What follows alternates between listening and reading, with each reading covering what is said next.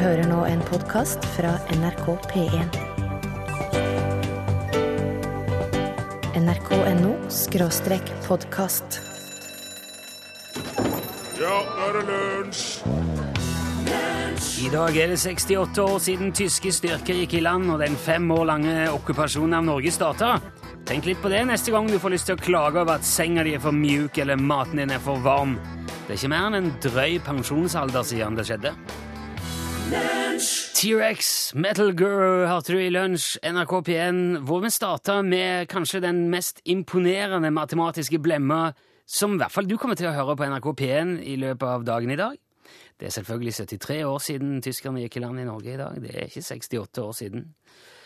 Uh, hva sa du nå? Ja, det er 68. Men du kan ikke snakke bare i mitt øre Are, og forvente at folk skal kunne forholde seg til Skal jeg snakke her? Ja, det må Så- du gjøre. Hei, folkens. Hei. Ja, jeg Jo, jeg tenkte 45, og så er det jo 40. Så eh, det, det beklager jeg. Da er det litt mer enn en drøy pensjonsalder siden det skjedde. Det er aldri noe hyggelig å starte med, med foten så langt ute på sida, men eh, nå har vi ikke noe valg. Du hørte jo Are Sende Osen er med oss i dag. Han vikarierer for utmerkede Torfinn. Hei. Hyggelig å ha deg her, din, ditt svin. Uh, Are har nettopp uh, ødelagt uh, dagen min igjen ved å, å skrive noe på min Facebook-profil. Dette er hans nye hobby. Morten Lyen er en mye hyggeligere kar, med mye mer respekt for andre mennesker. Å nei, vi rota ikke i bedet til andre, vet du. Nei, det gjør vi ikke. Så nå skal du få oppleve at dette utspiller seg i en time her på radioen. Jeg hadde tenkt at jeg skulle prate om en fiffig liten idé som, som det er mye snakk om i dag. Det er noe som skal ha oppstått i Italia. Det heter Kaffe på vent. Du har sikkert hørt om det. Det, det, det ryr eh, de sosiale mediene. Greia er nå at du skal kunne gå inn i en kaffebar eller en kafé eller noe, og så kjøper jeg den latitato macanito americano espositoen du vil ha, med chili og ekstra froth. Og så kan du samtidig da eh, betale for en kaffe på vent. Eh, Så du kan egentlig kalle det 'kjøp én, betal for to'. Og det er jo, det høres jo ikke ut som noe god deal, men poenget er at kvitteringen for den andre kaffen du betaler for, henges opp på en slags oppslagstavle eller noe sånt på veggen. Og så kan noen som i utgangspunktet ikke har råd til å kjøpe sin egen kaffe, få den gratis. Altså, de, det er en slags kaffehjelp, ikke ulikt Marshall-hjelpen. Eh, Det er da eh, mange som jo kan trenge kanskje en kopp varm kaffe, kanskje noen som går og trør gatelangs hele dagen på jakt etter eh, enten noen kroner eller det de ellers måtte trenge for å komme seg gjennom dagen. Og da kan jo disse, da, er tanken, kikke innom kaffebaren, henger det noen kvitteringer på tavla? Ja, det gjør det, da går jeg inn og får, med en av de koppene der. Og jeg har sett, nå er det, det er et sted i Trondheim som heter Anna, som skal starte med det. Møteplassen på Rjukan har starta. Søstrene Konrad i, i Oslo driver med dette her. Så allerede kan man altså nå flere steder i Norge sette kaffe på vent. Og det har som sagt spredd seg som tørr ild i gress på sosiale medier den siste uka. Det er jo fint, det. Men det er en annen eh, ting her som jeg vil gjerne be dere være obs på. Og det er at dere som praktiserer dette, her, dere som driver kafé, kan godt gi litt rabatt på den ene ekstra koppen. For ellers er det jo bare som om dere skal sko dere på andres eh, nød. Og andre, altså noens eh, eh, vi si, barmhjertighet og andres nød. Så gi, gi en eh, 30 Gi momsen eller fortjenesten på den andre kaffen. Da blir det virkelig flotte greier. Og samtidig så vil jeg gjerne be dere som driver bilforretninger rundt om i landet, om å òg vurdere en slags bil på vent-løsning. Eh, Man opplever jo ofte å komme inn i bilforretninger og se kjøretøy som man ikke har råd til å kjøpe. Dette opplevde jeg ganske nylig. Tenk så greit det da hadde vært å bare kunne gå bort til ei oppslagstavle og se henger der et vognkort. Ja, der henger det jammen et vognkort på en Ferrari Testarossa. Fint brukt, lite kjørt. Da kunne jeg bare tatt med meg den. Uh, som, og da er jo den allerede betalt av noen som har råd til å kjøpe seg to biler. Det er jo mange av de. Det hadde vært supert. Kanskje man kunne òg kjøpt ei flaske på vent med vin på polet? Kanskje en burger på vent på gatekjøkkenet? Det er jo egentlig er det ingen grense. Man kan jo sette eh, hva som helst på vent. Selv om man skal, hvis man skal se på det i ytterste konsekvens, så ville nok en sliten narkoman eller uteligger helst sett at det ble satt en dose heroin eller en toroms leilighet på vent. Men eh, mens vi venter på alle disse gode løsningene, så kan jo kaffe være en god begynnelse, iallfall.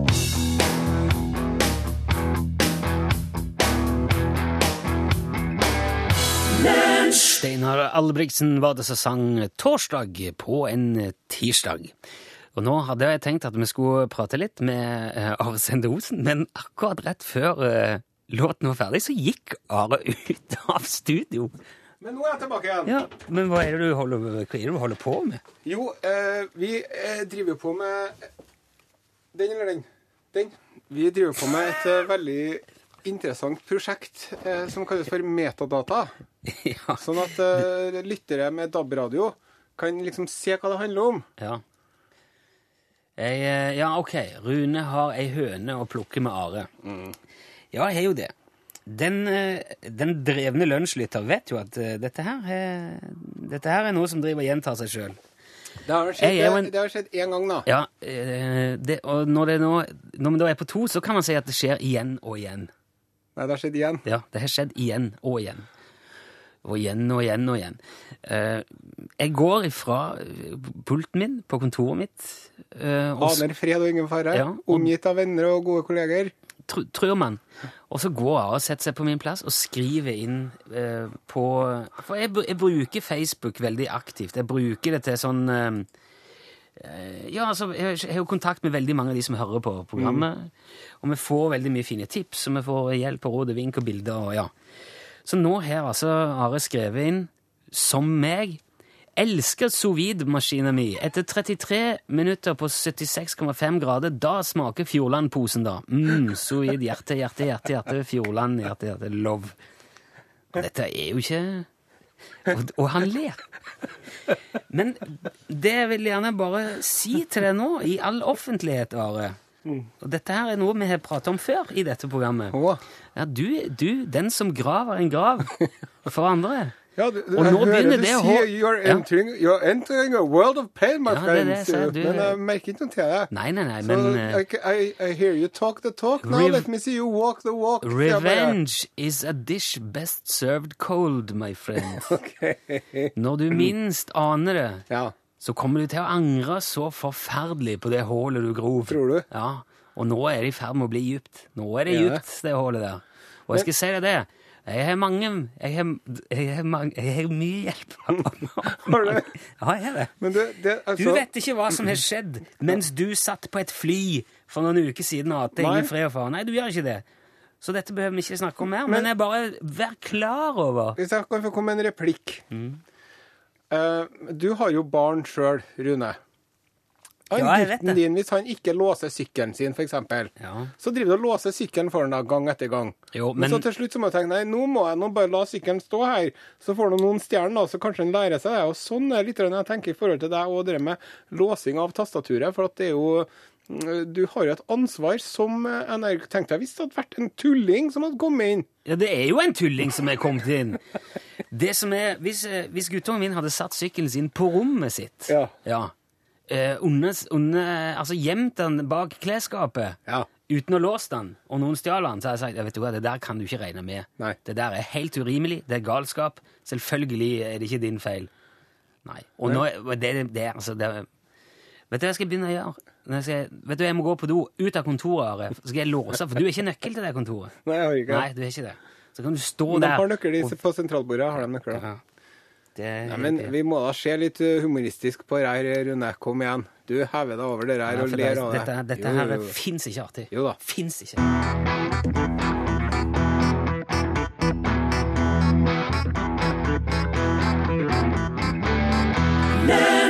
Carrie Hilson, I Like. Det er for øvrig en Josten Grubert radiomix av eh, låten til Carrie.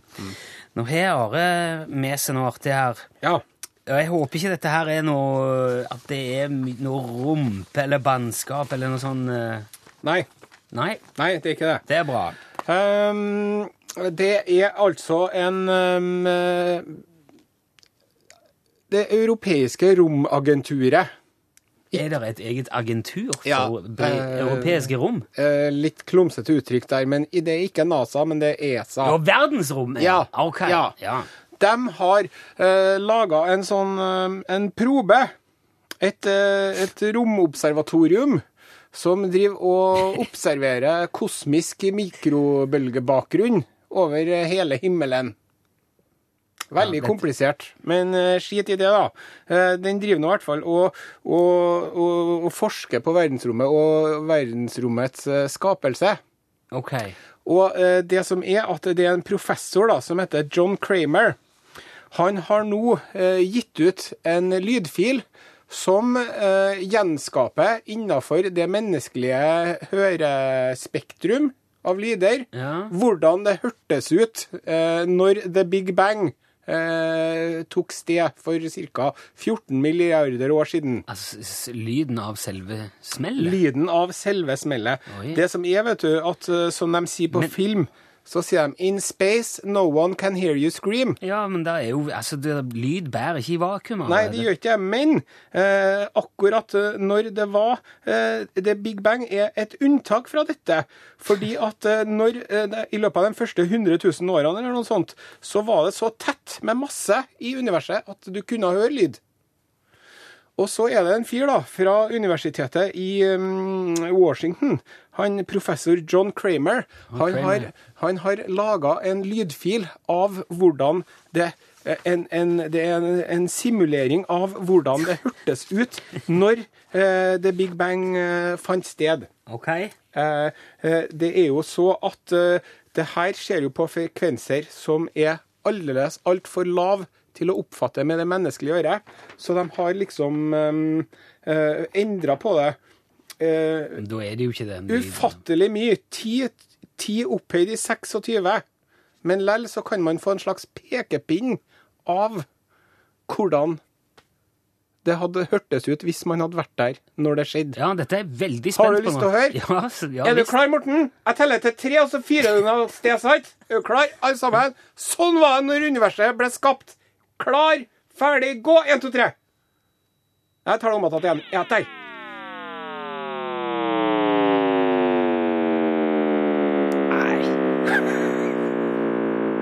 Hva er det humlingene? Hva er det? Nei, det er jo masse og helium og gass og meteoritter og stjerner som bare suser utover. Pung! Det er jo, det er jo åpninger til Brødrene Dal og Spektralsteinene. Ja, er ikke artig at det høres ut som en dårlig sci-fi-film?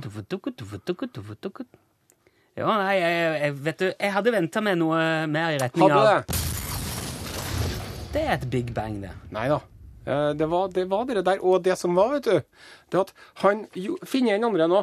Han, eh, han, Første gangen han gjorde det der, han professoren, vet du Han eh, Professor Kramer fra Universitetet i Washington han laga det der første gang i 2003. Jaha. Og da hørtes det sånn ut.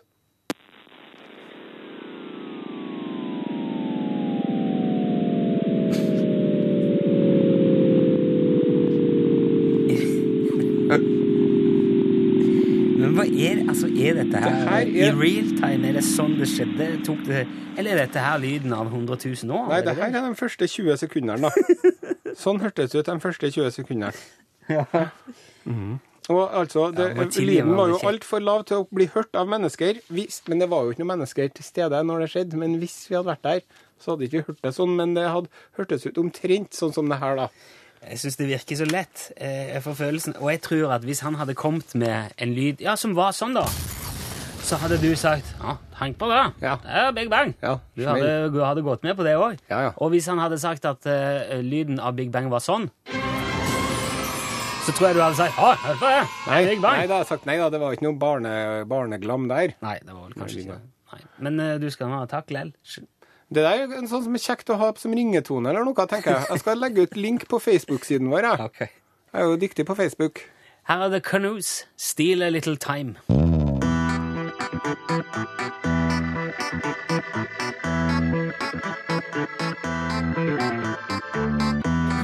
Steal a Little Time, det var The Canoes.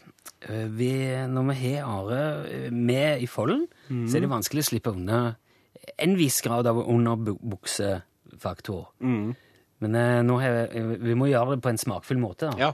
For du har et eller annet eh, Jeg skal fortelle om eh, Altså, jeg har jo mm, Det med underbuksa. Det- Trusen. Ja, det må, må man jo ha. Og så er det jo ikke Det er jo forskjellig smak. Det er noen som liker boksers, og så er det noen som liker jockis. Jockis. Jockey, sånne vanlige underbukser, liksom. Ja, det er med svensk uttale, da. Ja. Man liksom si jockeys. Ja, ikke det? ja jockeys. Og jeg har nå, etter hvert så har jeg funnet meg noen sånne boksershorts som jeg liker veldig godt, da, for at de har veldig sånn tynt og mykt uh, stoff, Mhm. med veldig liten grad av irritasjon. Ja. Og det er jo kjekt å ha, for det er jo fort mye gnisninger i det området der når man driver og går og holder på med ting, sant? Ja. Og da kan det fort bli litt sånn eh, rødt og hissig og betent, kanskje til og med i det området der, hvis, man, eh, hvis det gnager mye, da. Så Ja. derfor så legger jeg stor vekt på å ha komfortable underbukser. Ja. Husker når jeg var ung og dum, da, drev jeg, da spilte det ikke noen rolle. Drev jeg kjøpte trusene mine på Hennes og Maurits. Og så medførte det jo litt uh, greier som vi ikke skal rippe opp i nå. Nei, det trenger vi vi Men de ikke. siste årene så har jeg altså kjøpt meg veldig fine og dyre underbukser. Oh. Det som er et, eh, et tilbakevendende problem med disse underbuksene, det er at de språtner i sømmen i skrittet. Hva er, Nå må du bare igjen eh, minne om hva sprottene er for noe, for de Ja, av oss som ikke kommer er fra at- de gater i Ja, det er at den eh, sømmen eh, løsner. Ja, han revner, ja. Ja. Ok. I sømmen, liksom, så det er ikke, det er ikke at stoffer stoffet rives fra hverandre, men skjøten mellom de forskjellige stoffstykkene Ja. i, i, i skrittet, der har det da blitt nøstet opp, og, og det er da hull. Ja. Så hvis jeg da har på meg den trusen der, så plutselig så detter ting ut. Sant? Ja, Det ja, Veldig ubehagelig. ja. Og så har jeg drevet og Når jeg skal ta på meg om morgenen, så er det sånn Nei, det kan jeg ta på meg en truse der hull i den. Og så har jeg drevet og styra med det. Men så begynte jeg å legge de trusene med hull i oppi en annen skuff. Er det mange, altså? Ja, det er seks stykker, jeg. okay. Jeg har kanskje en sånn åtte-ni underbukser, og seks har jeg med nå eh, store hull Nei, i skrittet i. Så det som jeg gjorde, da Jeg tok dem med ned til en skridder. I, Er det sant? ja, i, i byen. Og så hadde jeg en, eh, en jakke som jeg skulle ordne noen glidelås på. Så sier jeg 'hei, eh, jakke', og så sier 'ja, det skal jeg ordne, det går kjempebra', og alt det der, sin. Ja. For han er utlending, da. Ja. Og så sier jeg 'og så du, så må jeg få spørre deg om en ting'. Sier jeg. 'Ja'. Og kjæresten min mener at jeg er helt sinnssyk som kommer med det forslaget her i utgangspunktet, men jeg må nå bare få lov til å spørre. Og hvis du, hvis du ikke vil, så sier du bare nei. Men jeg har nå altså her seks, og de er reine. Med nyvasket underbukser, som jeg lurer på, er det noen sjanse for at du kan finne på å fære over dem her i sømmene, liksom? Ja, det er ikke noe problem, det går veldig bra. 14. april er ferdig. Ja. Ja. Så nå Så, er, er du trusen og skredderen, altså? Ja, så nå sitter han skridderen, vet du. Og du vet jo hvordan skridderen sitter. Han sitter jo med beina i kors oppå bordet. Ja, ja. ja, og så sitter han der med trusene mine, og så sitter han og nøster mens han plystrer på en sang, da, sikkert. ja. Og så lurer jeg på, hadde du ville levert trusene dine til skridder, eller hadde du bare pælma med å kjøpe nye? eller Jeg hadde nok kjøpt eh, nye, ja. Du hadde, ja. Ja, jeg uh, tror ikke Men uh, De kosta 300 kroner stykket. Å ja, OK. Nei, da hadde- tror jeg jeg hadde funnet meg noen truser som 300 kroner stykket! ja. Så du, du er Jeg, jeg, du vet jo hva, Når det gjelder underbukser, så I will spare no expense. Det er altså, det er altså 1800 kroner i truser når vi har levert inn? ja, ja. Ja, ok, ja, men da skjønner jeg. Ja.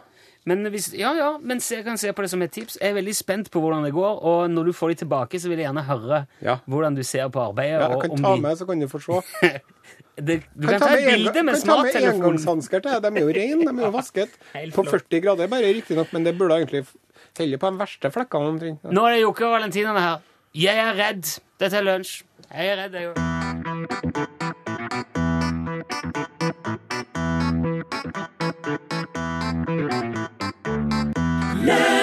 I går hadde vår gamle kjenning og tidligere NRK-kollega Klaus Sonstad premiere på eh, programmet Klaus på kanten på en annen eh, TV-kanal enn NRK. Og der besøkte han da eh, Værøy og prata med folk og liksom tok temperaturen på det lille øysamfunnet. Og der møtte han en kar som fortalte noe som jeg beit meg spesielt merke i. Hør på dette her. Ja, altså, det her er jo en kulturskatt for Norge. Vi har alka, lomve, som hekka, vi har tytteberg, vi har, vi har skarv, e. Vi har så mye.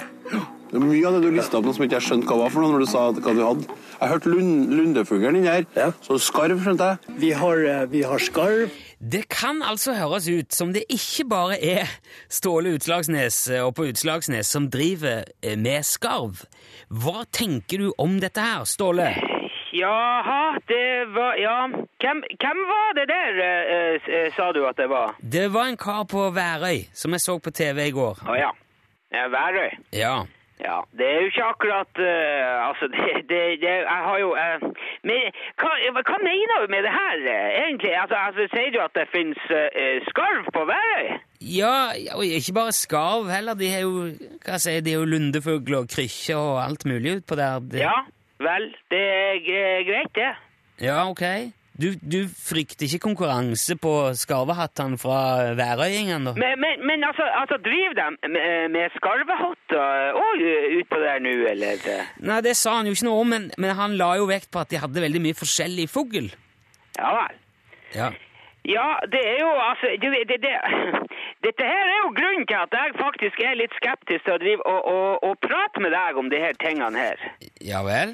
Ja, for det at du setter jo eh, mine ideer rett ut på radioen, og da, da har vi det gående. For det, er du klar over hvor mange som har stjålet mine ideer etter at, etter at vi har, har prata om det på radioen, eh, Nilsson? Nei, hvor mange er det? Ja, det er ikke eh, godt å si. Men har det skjedd at noen har stjålet ideene dine etter å ha hørt, hørt eh, på radioen? Ja, han, det var jo han samen der dukka jo opp på Fettvik-dagene med sånn der bevermuffer som han skulle Ja, men det hemmer jo Du lager jo ikke bevermoff. eh. Nei, men det vet ikke han. Hæ? Ja, og det er samme det, for han, vet du, han må bare holde på med det der bevergreiene, for det kan ikke måle seg med en, en skikkelig skarvehatt eller en ekornvott uansett. Nei, men da, da gjør vel ikke det noen ting? Nei, det gjør ikke det. Nei, greit. Men jeg syns nå uansett det var interessant å høre med deg om, om Altså om du vet om andre fugleprodukter. Jeg regner Ja. med at du prøver å holde deg orientert om konkurransen din? Ja, jeg gjør jo det. Ja, Ja. selvfølgelig. Det, det, er jo, det er jo flere som driver med forskjellige naturprodukter. og Det er både fugl og fisk og vilt og Ja, ok, så du er ikke, du er ikke helt alene om disse tingene? Nei, nei, nei, nei, men det handler ikke om å være alene, vet du. Nei vel? Nei, nei, du må være best. Ja, ok, du, Ja. Tilby de beste produktene til beste prisene. Ja, det høres jo fornuftig ut, det. Ja, det er jo en kar Det er jo en kar ute på Flatskoltotten som driver og lager måsevester, vet du. Gammel stegg av en kar. Men, Hva sa du? Måsevester? Ja, men det, det er jo ikke, det er ikke Altså, si, det, det, det er jo som en helt vanlig vest. Bare at det, at det er måsevenger foran på. Men, men hva, altså, det, snakker du nå om en, om en vest, altså en vanlig vest som man har på seg med, med måkevinger på? Ja, ja, ja, det er, den er stilig, ser du.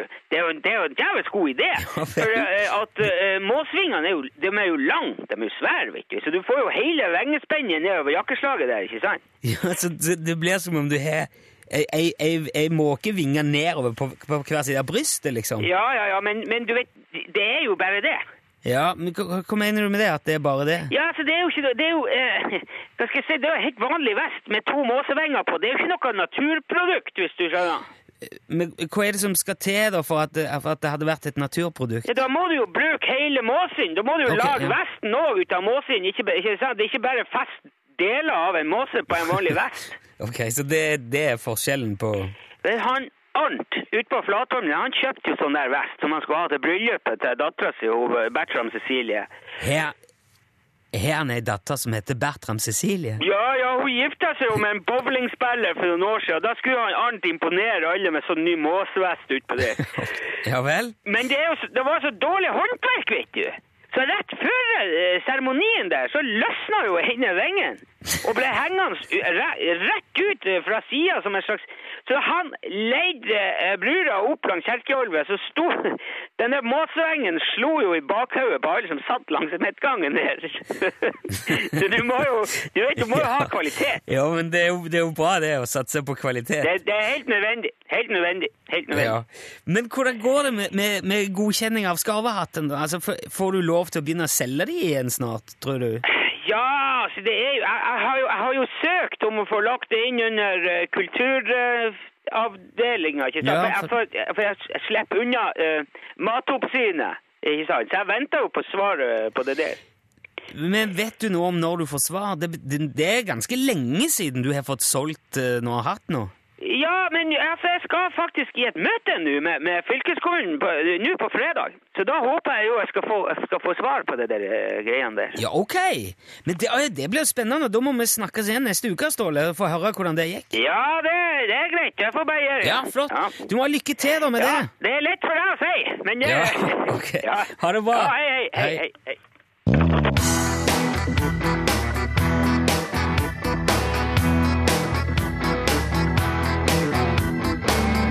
Peggy Fever. For en del år siden eh, hadde eh, vår venn Are Sende Osen, vår tidligere venn Are Sende Osen, et, eh, en spalte i barnekanalen P3 hvor eh, han imiterte sin far. Ja. Og det ble det jo òg bok av, en veldig fornøyelig bok, som jeg er så heldig å inneha. Men så har jo på en måte virkeligheten tatt igjen fantasien, kan vel si. Du har jo blitt en voksen mann sjøl, med barn, hus og bil og drivhus og, og gudene vet. Klikker daglig. Ja. Eh, samtidig som dette har skjedd, så har altså din far blitt en snill og mild og, og, og rund i kantene bestefar. Ja. Som ikke er de samme utbruddene lenger. Men det har du arva. Det har jeg, vet du. Ja. Og nå er det jo sånn at det er jo sånn at enhver generasjon er litt sånn irritert på den generasjonen som kommer etter. Og det begynner vel mye misunnelse, tror jeg. Åh, Ja, ja vel. Men uh, i hvert fall en del i misunnelse, men også det at, eh, at liksom um, Ja, jeg tror nesten du må bare du må bare, Det er jo denne hipstergenerasjonen jeg snakker til nå. da. Ok.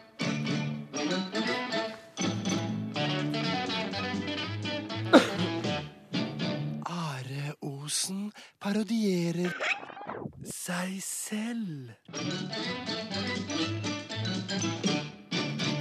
Jeg kan fortelle deg at når jeg var liten, da var ikke vi vanskelig og vrang og trassig og tverr og vrien og umedgjørlig og sjølgod og innbilsk og fordringsfull og sjølgod og bortskjemt sånn som dere er nå. Dere vet ikke hvor godt dere har det. Jeg kan fortelle deg om vinteren, eksempel. Vi hadde ikke noe varmepumpe i heimen, vi. Vi tente opp i ovnen, gjorde vi med ved når vi skulle varme oss, men mest satt vi og frøys. Ja, og ikke hadde vi Gore-Tex eller superundertøy. Vi hadde ullundertøy som klødde. Sånn var det med den saken. Og når vi skulle på ski, da hadde vi verken twintip eller randonee-ski eller telemarkski eller offpiste-ski eller duoski eller smørefritt ski. Vi hadde ett par ski, vi, og dem hadde vi arva, og det var noen, planker. Og der drev vi og tråkka rundt i djupsnøen. Og når vi kom fram og var sliten, da fikk vi en appelsin. En appelsin, ja. mm, det var godt, det. Appelsin var konge, det. For da jeg var liten, da fantes det ikke noe lischi eller mango eller papaya eller pasjonsfrukt eller fisalis eller stjernefrukt. Jeg husker når jeg smakte min første kiwi. jeg. Det var rett før jeg ble konfirmert. Skjønte ikke noen ting. Hva faen er dette? Mm, Dæven godt.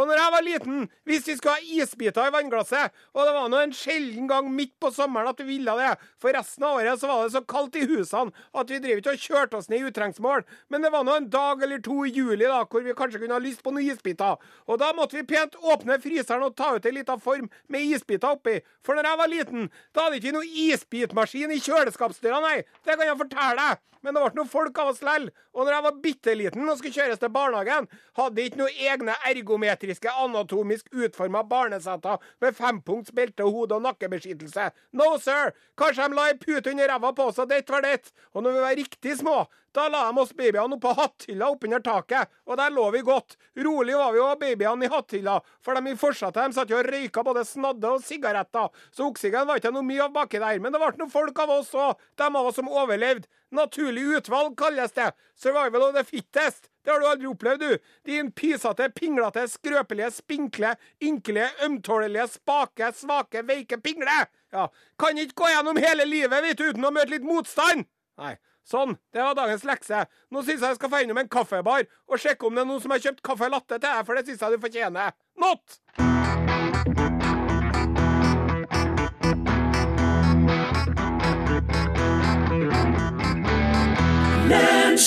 Sean Bartlett der. Love, give, take. Vi har prata om mye forskjellig i løpet av den siste timen. Både truse og såkalt face-raping. Berit hun er leder i Strinda husflidlag, Are. Ja. Og hun skriver at eh, det er veldig flott at du tar vare på underbuksene dine. Men eh, dere gutter, og jenter nå for så vidt, skriver Berit, må jo lære dere å lappe underbuksa deres sjøl. Å, Ja, nå skal du se hvor mye det kommer til å koste det der, men eh, Altså, når kostnaden kommer på toppen av de allerede 300 kronene til truse, så begynner det, da begynner det å bli veldig kostbare ja, men de blir jo bare billigere og billigere da, for hver eh, gang Hver sier. du lapper.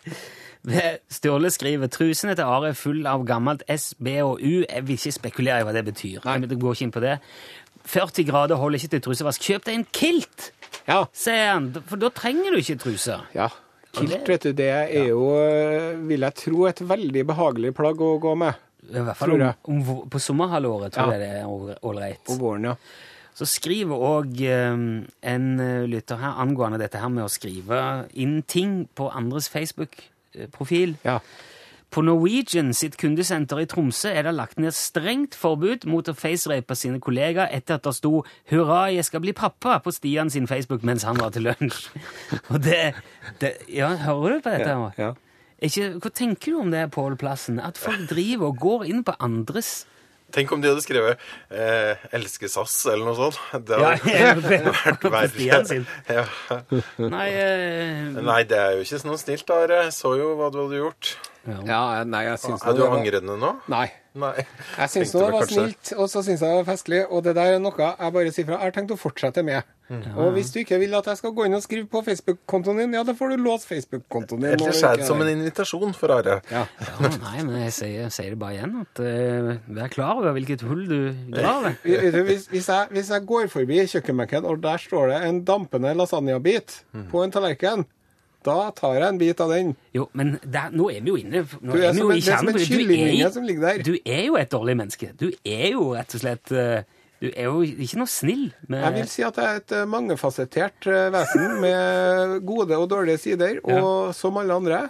Og eh, du Men- men you de- got to take the bad with the good, eller et eller annet sånt. ja, Man kan jo se at de sweet. dårlige dominerer i de perioder, iallfall. Men spørsmålet er jo eh, altså En ting er jo sjølve det å gå inn på Facebooken, men du driver jo da inne på maskina også til Rune. I tilfelle det spretter opp en ganske sensitiv mail som eh, Ikke sant?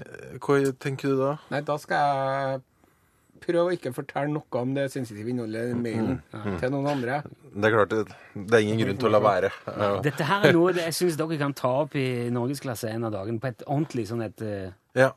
Få inn et klokt hode, kanskje? Ja, det synes jeg. Det skal jeg prøve på. Men hva, hva blir det i dag, Pål? Jo, eh, det var ikke så vanskelig å, å finne ut hva jeg skulle prate med dere om eh, i dag. Det skal handle om møter. Eh, og eh, jeg sitter jo her sammen med to av kringkastingens minst møteglade. Eh, kanskje særlig Rune, eller? Ja, altså, møte er jo eh, altså, Hvis det er hvis Du har ikke er, så god møtekultur. Nei, Hvis det er et eh, interessant og viktig møte, så selvfølgelig skal jeg være med. Men eh, Så det kan må du jo sette sies av et kvarter til det. Ja, men det er nå et møte for det meste her i NRK, da. Men hva er det som er galt med møtene våre? For jeg skal få en ekspert på møter eh, i studio i dag. Nei, det er ikke noe galt. Ja, Men du driver og går og sånn. Da, da syns du ikke det er så artig, da? eller?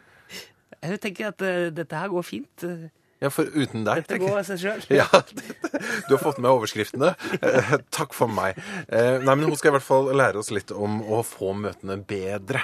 Eh, og skal rett og slett ha et lite møte om å ha møter i Norgesklassestudio i dag. Et Møte, møte. Et Nå er klokka tolv, og Anne Skårseth er klar med siste nytt.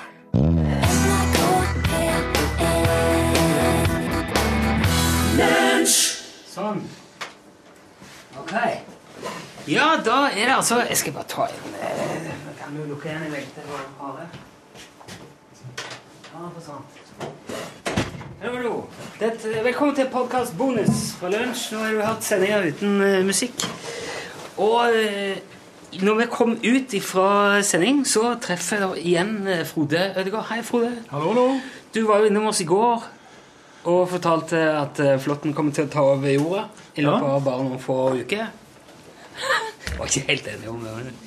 men- så er du jo her i dag igjen. Ja da. Vært, på, hun har vært i norgesklasse nå. Stadig på farten, ja. Ja. Ja, Nå har jeg snakker om maur i norgesklasse i dag. Bare for de som, Du har jo vært med oss før, òg, for du var på Papua Ny-Guinea og lette etter Hva var det? Drebo?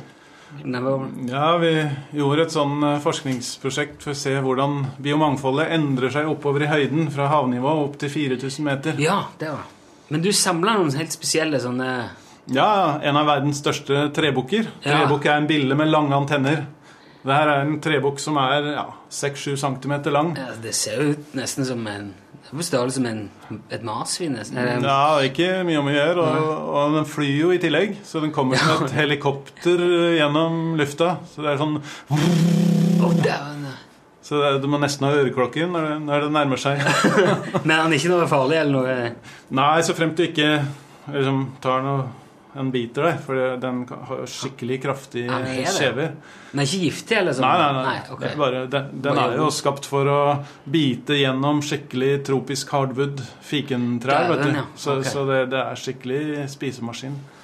Men nå eh, Du hadde med, med en sånn dunk med, med Eller sånn en monter, sånn kasse med maur. Ja. Du, Bare ta den, ja. Men, Ja. eh, det var jo det som Altså, nå eh, Ja, nå får du gå ut og hente. Han har en sånn svær glasskasse med masse maur oppi. Og den er jo da død. Altså, han er sånn montert på sånn nåle. Så Der, ja. Vi starter å gjøre. Ja, har dere begynt? Ja. Ja. Nå kommer Osen. ja. Hei, Frode. Hvor sitter han? Få se der. Du sitter der. Jeg sitter her, ja. Se på den. Eh, Snakk om maur i dag. Ja. I forbindelse med argentinske mordermøl? Ja, og mer generelt. Det er jo så mange historier knyttet til maur at vi kan snakke en hel dag om det. Ja. Det er den argentinske, da, vet jeg. Den der. Ja, okay. Den ligner veldig på den lille svarte jordmauren som er i alle hus. da. Ja. Så det er lett å forveksle. Så jeg frykter det at nå kommer det et rush med folk som har funnet argentinamaur.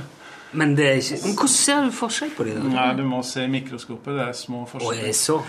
Hva er det du ser etter mikroskopet? Bare for å ha spurt om det òg. Ja, det er, det er forskjellige strukturer. Masse forskjellige små strukturer. Den har litt større øyne og litt forskjellig sånn. Jesus. Hvordan får jeg holde? Får jeg prøve å holde litt? Hvordan, Marginal hvordan fester du det? Ja, Si meg. Ja, har du limt dem på, eller er det teip? Eller? Det er uh, limt delvis, og delvis nåle. Ja, du kan se at eh, maurene akkurat som de ligger på en liten papirlapp som står på en nål. Så det blir liksom en liten prislapp nærmest med en maur montert på, og så står det Ja. litt tekst på en lapp Det er under. skikkelig kult at du kunne hengt dette på veggen. Vet du, så- Du, du har tatt bilde av dette der og så legger det på Ser den etiketten under, så står det alle opplysninger knytta til arten. da. Ja. Ned til metersnivå, GPS-posisjon, hvor den er funnet. da. Og dette er fra Borneo, eller hva? Det er norsk alt sammen. Det er norsk, det da. Vi har jo 57 ulike maurarter i Norge. Og her er den lille argentinske. Ja. Ja. Og den ene i Norge allerede, altså? Ja, den, eh, altså vi fant jo hundrevis av eksemplarer i sånn importplast fra Italia. Ja. Det, det er hageplanter. Kommer til plantasjen her.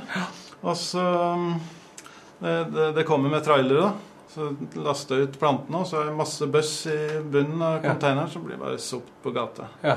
Der fant vi 9000 insekter, deriblant to nye norske maur og mellom 10 og 20 norske billarter som aldri er påvist før. Ja. Det blir bare strødd ute på gata. Ja. Men de eh, tåler vel ikke den norske vinteren alle sammen, da? Eller? Nei, det er bare et fåtall av artene som, som kan overleve i Norge. Men poenget er jo at eh, det, no, noen få av dem kan være skikkelige pestarter Ja. som kan etablere seg. Og når du får sånn påfyll hele tida, så er sannsynligheten for at en eller noen få kan gjøre skikkelig skade i norsk, norsk natur, den er veldig stor, faktisk. Men Hva slags skade gjør de da? Er det Ja, det er alt mulig. Sånn som det er her frykter vi at skal etablere seg i naturen og, og utrydde andre maur. For det har vi sett ellers i verden, at når den her kommer, så blir den dominerende maurarten eh, over store arealer. Jo, men det Det kan men, føre til skadedyr i jordbruket ved at den, de mjølker jo bladlus, de her maura. Eh, de kjæler dem på bakkroppen sånn at de spyr ut sukker. Og da beskytter de de blad, bladlusene mot andre fiender. Ah. Eh, og de bladlusene er skadedyr i jordbruket. Ja, okay. Så da blir det mer bladlus, mer skade for bøndene. Ja, okay. ja, så det er kompliserte for- sammenhenger. Ja. Jo, for det, det var jo liksom det neste spørsmålet. Gjør altså maur, en maur om det er en maur eller en annen maur? Det er vel uh, Maur er maur, tenker jeg, men det, er da er det Ja, jo ikke det er det. absolutt ikke, fordi alle artene har hver sin biologi og gjør hver sin skade eller hver sin nytte. Hvor mange typer maur er det i Norge? det er 57 forskjellige. Vil, viltlevende maur, og så har vi en titolv arter som introduseres med forskjellige Ja. hageplanter og sånn ganske jevnlig. Ja. den der, den var jo enorm. Den, Ja. Det er dronninga til stokkmauren. Er det det? Og er det, er det en stokkmaur Det er jo Wow. det som en frykter mest, og som er mest problem i Norge. da. Stokkmaur? Stokkmaur, ja. Fordi det, den går jo i, i treverk. Men det skal være litt fukt og, og råte i treverket før den går inn. da. For den utnytter gamle insekthuller og små sprekker og sånn. Men da lager den skikkelig koloni inni der og gnager seg gjennom tømmeret så det hele raser sammen. Så, så det er det verste skadedyret vi har i Norge omtrent. Men vi hadde Altså hjemme hos foreldrene mine fikk de noen maur i veggen. Og det, det liksom kom på samme tid på, på sommeren omtrent hvert år. Det var når vi pleide å dra hjem, Så juni-juli. Så begynte det å, å piple ut litt maur, og så datt det ut hauger med sånn, og med vinger, og de holdt på. Kom det ramlende ut der. Ja, det er sverming. Det er én dag i året så svermer stort sett alle maurarter. Og da er det tima og tilrettelagt med alle maurtuene. Samme dag, samme sted, sånn at du får genetisk utveksling mellom maurtuer. Så en hann fra ei maurtue tar seg med en annen. Hvordan får de til det? Er det avtalt? Nei, det, eller? ja, det er avtalt spill, også fordi det er enkelte sånne veldig sterke koder, da, som eh, lukt. signaler. Lukt? Ja, det er lukt og, og spesielle værforhold og, og sesongmessig. Ja. Ja, ja. Og når de her etablerer seg, det er også veldig spennende. Eh, skogsmauren, f.eks. Når den er para, så går den ned på bakken og biter av seg vingene. Biter av sine egne vinger. så søker den opp eh, et samfunn av en annen maurart som heter sauemaur. Og så eh, dreper den dronninga hos sauemauren. Og så manipulerer den arbeiderne hos sauemauren til å slave for seg. Og Da får den en flying start i etablering av ny koloni. Så han slipper å liksom fòre larvene sjøl og sånn. Det er vanskelig å dra ut og hente mat når du skal legge egg hele tida. Så da har du arbeiderkoloni av den andre arten som er slaver. Som kjøkmaur, kan du si. Ja, men det der er veldig vanlig i maursamfunn. Og det er veldig mye sånn parasittisme. Det er mange maurarter som ikke har arbeidere også. Fordi dronninga bare går og biter av antennene på, på verten. Og får resten av samfunnet til å jobbe for seg. Men da er det jo resten av samfunnet Da er de ganske ukritiske, jeg vil nesten si litt dumme. da. Hvis, Ja, eh, men de, de, de blir manipulert også kjemisk. Ja, ja. Så kall det Men dum. er det, er det sånn at uh, Altså, alle maurene Den møren som er i ei tue, er de genetisk identiske? Er det liksom én familie, det? Så du- det kommer fra samme Ja, i prinsippet så er det det. Det, det fins unntak der også, men ofte ser du i skogen at det er eh, mange maurtuer som ligger på samme sted. Og det kalles det for knoppskyting. At eh, det er Ja, de sånne utbrytere som ja. danner Å, nye samfunn. Så det er egentlig samme genetiske greia, det også. Det er mye innavl, da. Ja, det kan være trøbbel med det, men de har også mekanismer for å takle sånne ting. Så. Og det her med sykdom, f.eks.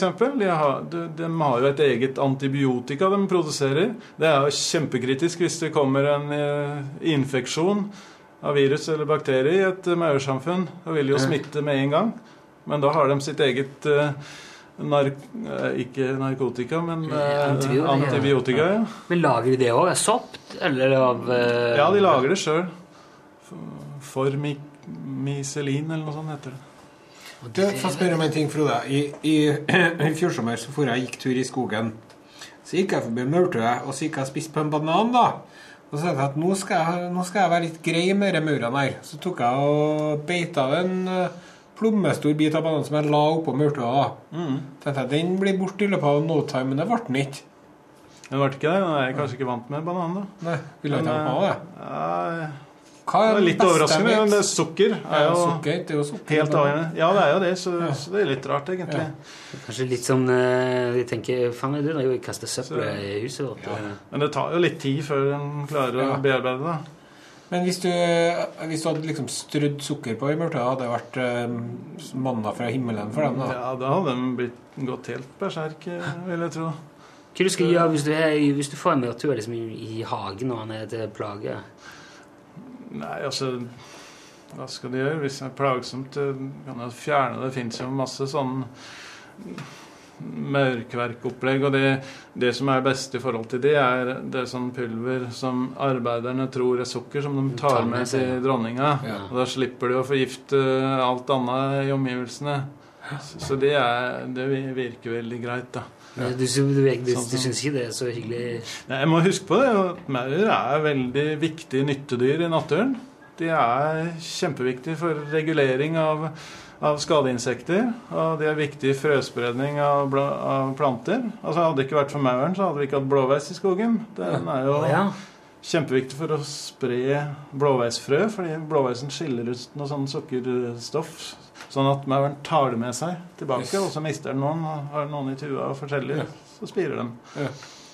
Men er det noen av de der eh, Vi sa jo pissemaur før, fordi at de sa at de pisser på deg, og da stikker det og gjør fryktelig vondt. Er det bare Ja, altså sånn? Skogsmauren skiller ut maursyre. Hvor er den igjen, da? Ja, Alt det her er skogsmaur. Ja. Forskjellige arter av skogsmaur. Det er et kompleks av arter, det er det som vi kaller eh, skogsmaur. Ja. Her ser du det. Ja. Og dem, eh, hvis du går nær ei maurtue og pirker borti, så ser du at de bøyer bakkroppen opp mot deg og spruter ut. Og det er maursyre for å forsvare seg. Ok. Så, fordi der har ikke brodd, sånn som eh, veldig mange eitermaur f.eks. De har brodd og stikker som brennesle. Jeg Ja. har hatt hendene i plenen og sånn, så sånne små blanke, røde maur. Det er eitermaur. Og de, de stikker skikkelig, altså vondt og ekkelt. Hvor er den her, da? Nei, de er ikke den andre kassa Jeg tok, tok ikke med den andre.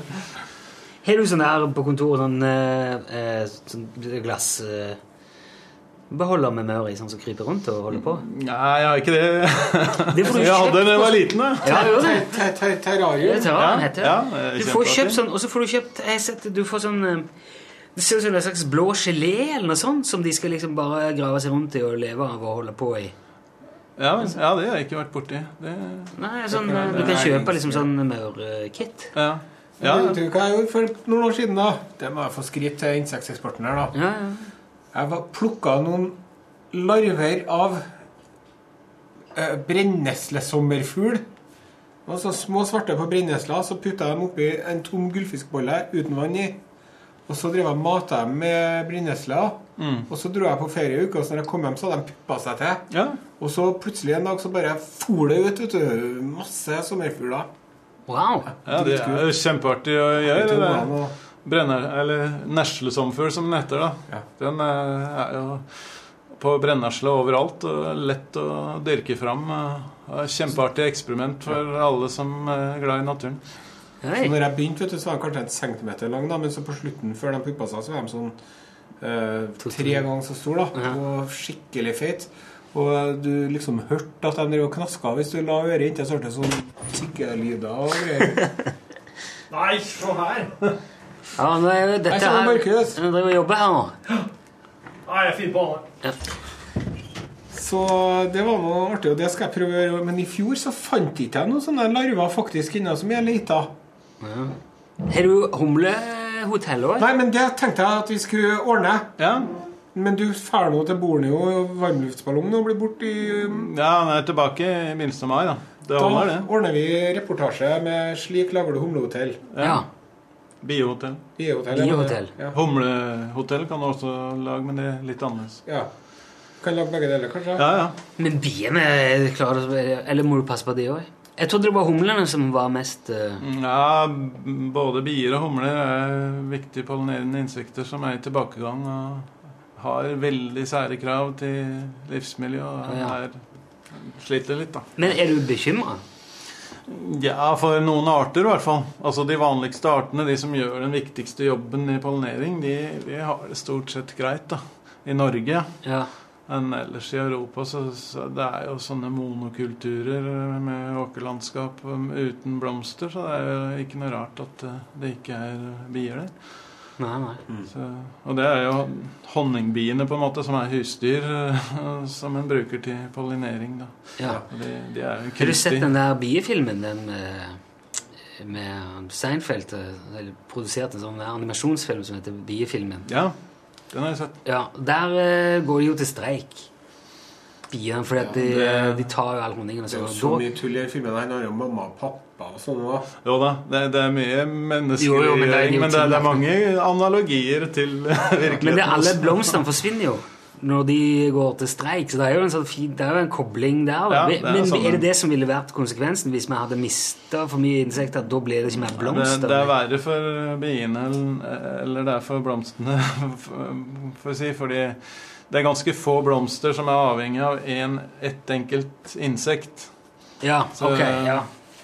Så de, de, det kan noen andre gjøre etterpå, i verste fall? Ja, ofte, men det, det er jo eksempler på blomster som er helt avhengig av ett enkelt insekt. For, og det, da kan det bli trøbbel.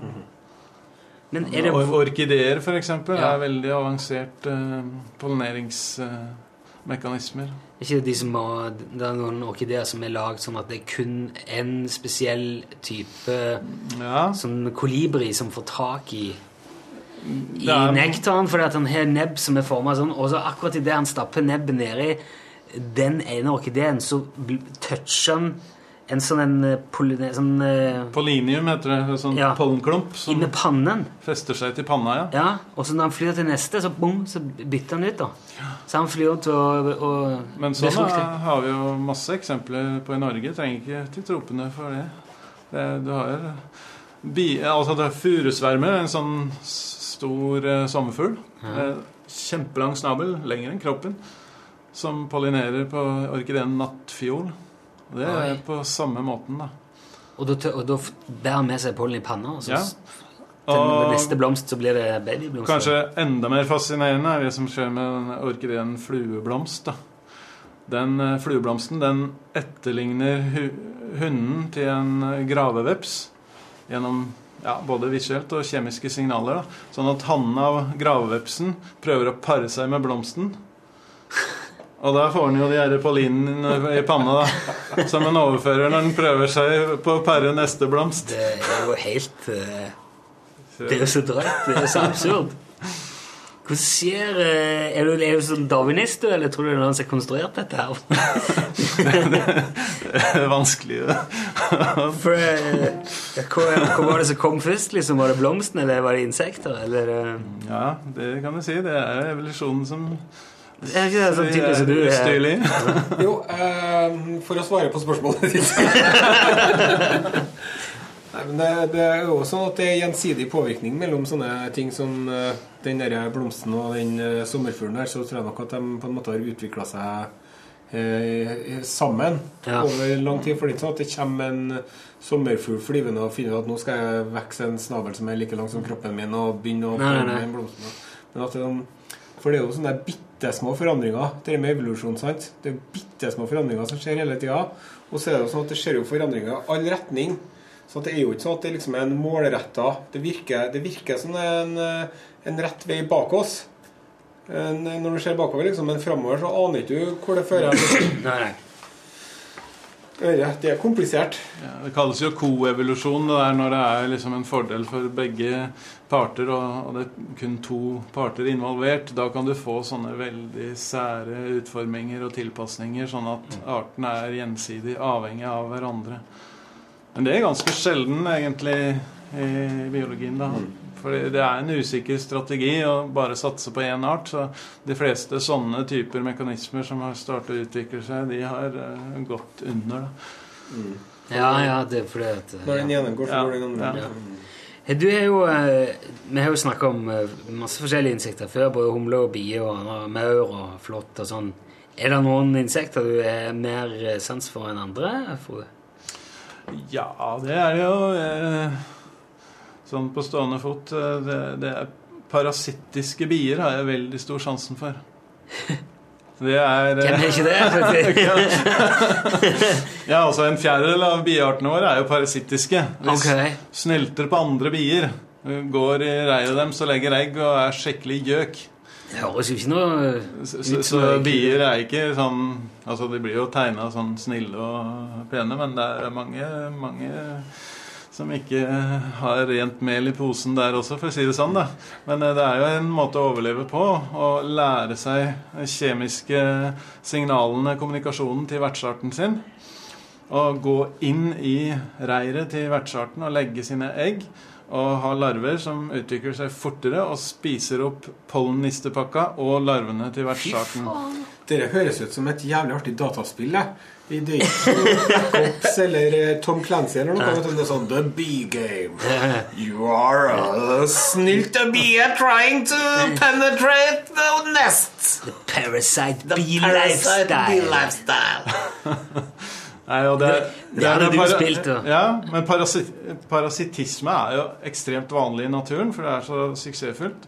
Og det er sånn at hver parasitt har hver sin vert fordi det er så spesialisert. Det er den koevolusjonen vi snakker om også. Um, og der skjer artsdannelsen veldig fort, fordi plutselig er det en som finner ut at den skal spesialisere seg på en annen vert av bier. Og da blir den litt forskjellig fra den opprinnelige, og det kan skje ganske fort. Så da kan vi få danna nye arter veldig fort i de systemene. Hva er veldig fort som Ja, det, vi snakker eh, titusenvis av år, da. Ja, ja, ok. Men det er fort, ja. Ja, det er fort.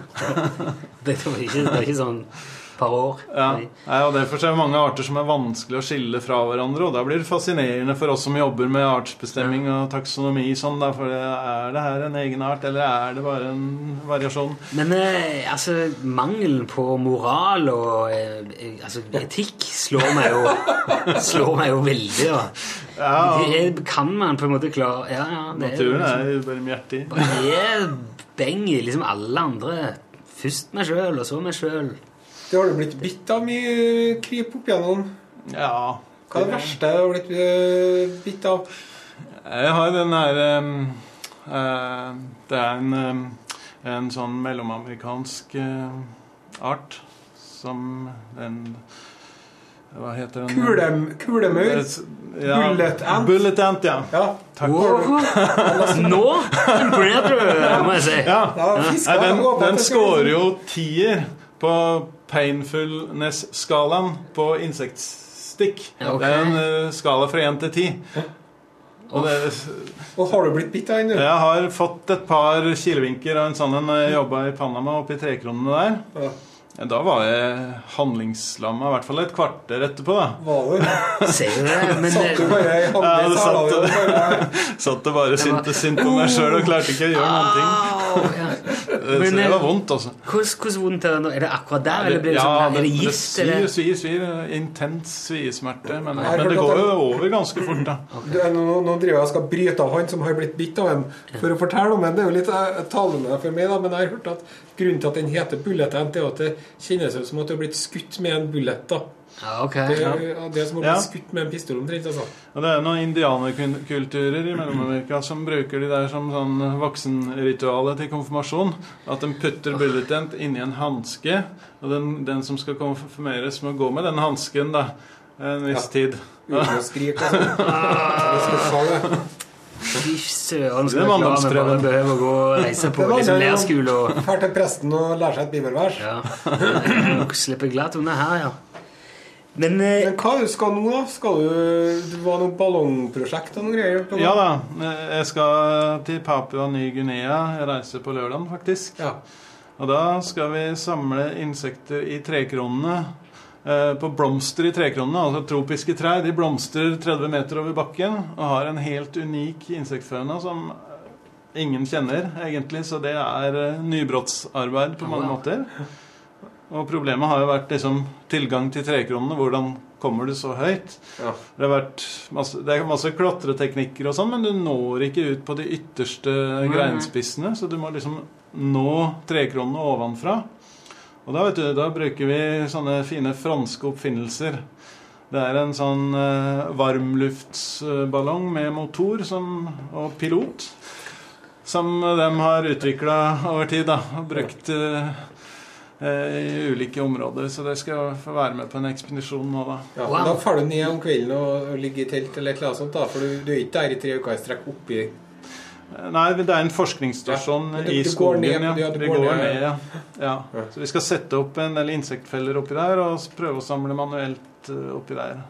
Så, men det er jo på mange måter et utviklingsprosjekt, for Ja. vi veit jo ikke helt hvor det her ender, holdt jeg på å si. så. Ja, faen, det, er jo sånn uh, insektverdenens svar på Indiana Jones, nesten. Du, da, sånn som du driver og drar rundt omkring og Jeg tror Er du at hatt og pisk? For oss å finne de her artene som folk aldri har funnet før, så, så må en jobbe litt utradisjonelt. Så det, det er jo så enormt med insektarter på jorda, og de utnytter alle krinker og kroker. Og trekronene er jo der kanskje to tredeler av alt mangfoldet finnes. Så det er helt avgjørende å ha gode teknikker for å samle trekronene. Mm. Men når du, når du studerte, da Når du begynte å studere biologi for lenge siden, Ja. ja, så var det sikkert noen andre som uh, sa Åh, hvor kjedelig, liksom. Skal ikke du studere økonomi og bli børsmegler i stedet? Og nå Ja, jeg hadde vel en gammel lærer som sa ja, Frode, det er ikke noe penger i det her. Så Begynn med genteknologi, du. Du selge kan du, drive, Er det sånn svartebørs for sjeldne inse- insekter? Ja, det er faktisk et marked for eh, de store, flotte, fine, metalliske, fargerike. Ja. Sånn um, Åse Kleveland, vet du, hun samler jo på biller. Ja. Oh, ja. Så eh, hun tror jeg har det mer som handelsvare. Jeg tror ikke hun er ute i skogen som mye samler. Men Men dette brettet som vi har her nå, hvor mye hadde du kunnet fått flere det hvis du hadde lagt ut på Finn? da? Et par tusen i hvert fall, ja. Nei, jeg tror ikke det der har salgsverdi i det hele tatt, faktisk. Nei, skal du ha med, da? Det er jo veldig fint, da. Det er, da kan jeg vel si at det ikke er til salgs, da. Har du lyst på et brett med meg? Du, Jeg jeg har kjøpte, finere kasser enn det her, da. Ser litt kjedelig ut med de her eh, små maurene. du, jeg kjøpte nettopp eh, bestilte på Jeg ble sånn påskeegg på internett til ungene. Og da fikk jeg, for da får, Du får sånn godteri med insekter inni. Mm. Der, eh, altså Begge ungene fikk hver sin kjærlighet med skorpion inni. Det er kult. Ja, men de tar jo ikke spise det. Men de, du skal jo kunne spise det. Ja, Var det ordentlig skorpion? Ja, ordentlig skorpion. Ja. ja. Ja jeg veit ikke om jeg ville spist den da, hvis det er giftrester og sånn. Men det Men du har spist insekter og masse, sikkert? Ikke masse, men de her store trebukkene i Papua Ny-Guinea var jo skikkelig snadder for lokalbefolkningen. da. Ja. Så jeg måtte jo forhandle med dem for å på en måte få lov til å beholde noen sjøl. Ja. Jeg trodde jo det skulle Det klarte seg med larvene, men nei da, de skulle ha de voksne dyra også. Billeskallet knasa jo skikkelig godt. Så, Må jeg finne fram klassikerne klassikeren din her. Så det Silkworm pupa, ja. På boks. Det er, den, ja, den er kjøpt i eh, Seoul i, eh, i Sør-Korea. Ja, det er, Det er jo hermetiserte silkeormlarver. Ja. Skal vi åpne den, eller? Er du lyst på? Jeg vet ikke hva jeg skal gjøre med. Jeg skal ikke smake. Jeg bare sier fra med en gang. Jeg skal ikke smake på Nei, det. altså, jeg, står der nå Han går ikke ut godt, før da. eh, april neste år, så eh, Nei, jeg vet ikke. Jeg kjøpte det bare fordi at eh, det kan jo sikkert være kjekt å ha. Ja, du har ikke smakt den? Nei, jeg er ikke det. Nei. Nei. Det ser jo ut her som om de skal bare være liksom serveres sånn på en seng av salat. Mm. Gud. Se på Ja, Nå, nå blir nå, ser, nå ser, Det er ikke ofte jeg ser det, du rynker på nesen sånn som det der. Nå friner Are skikkelig Ja, fy faen, altså. Men altså, det er det her er jo arter som lever av plantemateriale. De, de er stort sett greit å spise. da. Når du begynner med sånn rovdyr blant insektene og arter som har sånn forsvarsmekanismer og sånn, så er det mye guffestoffer eh, Ja. i insekter. da. Jo, men det er ikke det. det. Er rene silkeorm. Ja, larver har som regel ikke så mye forsvarsmekanismer eh, fordi de ofte lever litt skjult og sånn, og investerer det meste bare i vekst. Ja. Altså det koster mye å investere i forsvarsstoffer. Så, mens de larvene som lever eksponert, har ofte pigger og sånn, og de, de må investere i det der, da. Men eh, hadde du ikke tort å smake? Nei, jeg, jeg hadde jo Jeg mener, hvis, eh, hvis det hadde vært zombieapokalypse og det, alt hadde vært tomt, så visste jeg at den hadde vært der. Så jeg tatt den, Men ikke nå. Nå har jeg nettopp spist pølselunsj i kantina, så jeg Ja. trenger ikke å fylle, fylle på med noen larve, silkelarvegreier nå, nei. Fysj. Men eh, hvor er eventyrlysten din, liksom? Ja, den er ikke her nå, nei. Nei, jeg vet ikke. Jeg skal prøve å finne bra oppskrift på den. altså. Er du, kjenner du til de der? Du, vet du Jeg har ikke smakt de før. eh, Så, men eh, i Østen er det jo veldig vanlig å benytte veldig mye mer til føde enn vi er vant med. Litt utradisjonell kost. Det er jo mye bra proteiner. Det er det. Det er jo helt sikkert veldig næringsrikt. Har egg i kjøleskapet, ja. da. Ja. Men de sier jo at eh, før eller siden så vil vi bli tvunget til å bruke mye mer altså insekter det- som næringsmidler. fordi at eh, vi Det er for jo mye folk. kulturelt, ikke sant. Vi spiser jo mye rart. Vi spiser reker. Det er ingen som Ja, ja. reagerer på det. det er masse føtter og antenner og lange s- snabler og piggete og store Det er jo øyne. lekker- og- lekker Ingen som liksom reagerer. Er da. rekka et eh, insekt? Nei, det er krepsdyr. Men eh, de det er er jo- det er jo ganske nært fælt. beslekta ved at de tilhører leddyr, de også. da. Så det er ikke noe verre, det. Altså, Hvis vi hadde begynt å spise trebukker og gjort det i 100 år, så er det ingen som har reagert lenger. Med majones og sitron? Ja. Men hvis du hadde ja, De er bløtdyr. Altså de er sånn Bløtdyr er jo snegler og sånt. Men, Ja. Uh, Leddyr, sa du. Skeleton. Ja. Ja, de har skjelett på utsida. Men Mm. betyr det at hvis du hadde eksempel kokt en eh, sånn trebukk eller et eller annet sånt stort insekt, kunne du da brekt den opp som ei reke, så var det en, du halte ut en filet som hadde blitt liksom Ja, i hvert fall larvene og noen av de som på en måte er anatomisk sånn at du kan få noe ut av, av Ja. innholdet. Så ja. For det henger jo eh, altså krabbeklør og ja. Sånn, har du store biller, f.eks., så kan du brekke dem og ta ut innholdet. og Da blir det som en reke. altså. ja. Rå reke har du sikkert også spist der på sushi? Ja, ja. Men det som er begrensningen ofte, i hvert fall her hos oss, er at eh, det er sjelden å finne så store arter i så store antall at det kan utgjøre en kilde til eh, mat. da. Ja. Nok til det er energi. nok- Ja, så hvis vi har hatt sånne typer arter, så skal vi ikke se bort fra at vi eh, hadde spist insekter i Norge. Det, Men du, hvorfor er insekter i Skal jeg vise deg et bilde? Hvorfor er insekter i andre land så mye større enn de er her? Nei, det er bare fordi at uh, det er flere arter der, så rent statistisk så vil du Ja, det, den der finnes jo hos oss også. Hva er det? Det er en tussmørkesvermer. Det, ja, det er oleandersvermer. Den er riktignok ikke hos oss, men vi har, har eh, arter som eh, ligner veldig på den. Ja. Som er sånn i vingespenn. Noen av de her er sånne migrerende arter. De eh, utvikler seg i Syden, og så trekker de opp til oss om sommeren. Så de har ikke reproduseres ikke hos oss. Trekkinsekter? Eh, ja. Altså det er Tistelsomfuglen, f.eks. Verdens mest utbredte sommerfugl. Kan fly over Atlanteren, og den kan fly til Svalbard. En annen vinkel på Mhm. Over Atlanteren.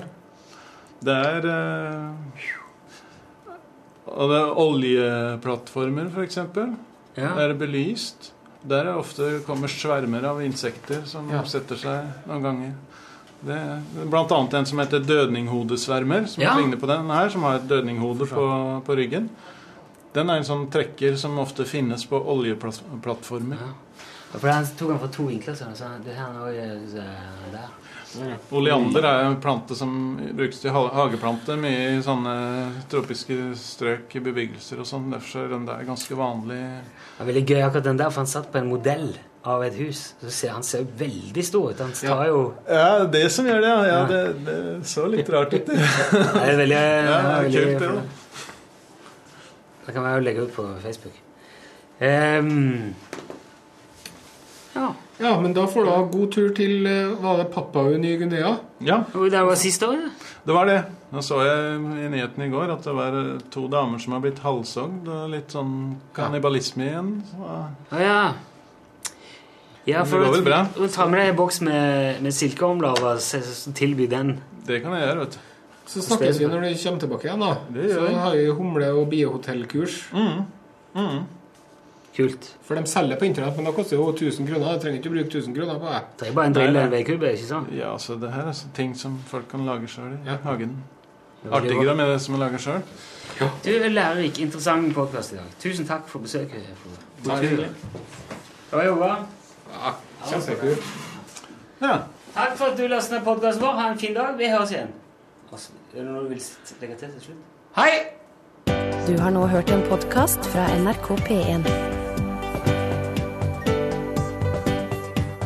nrk.no podkast.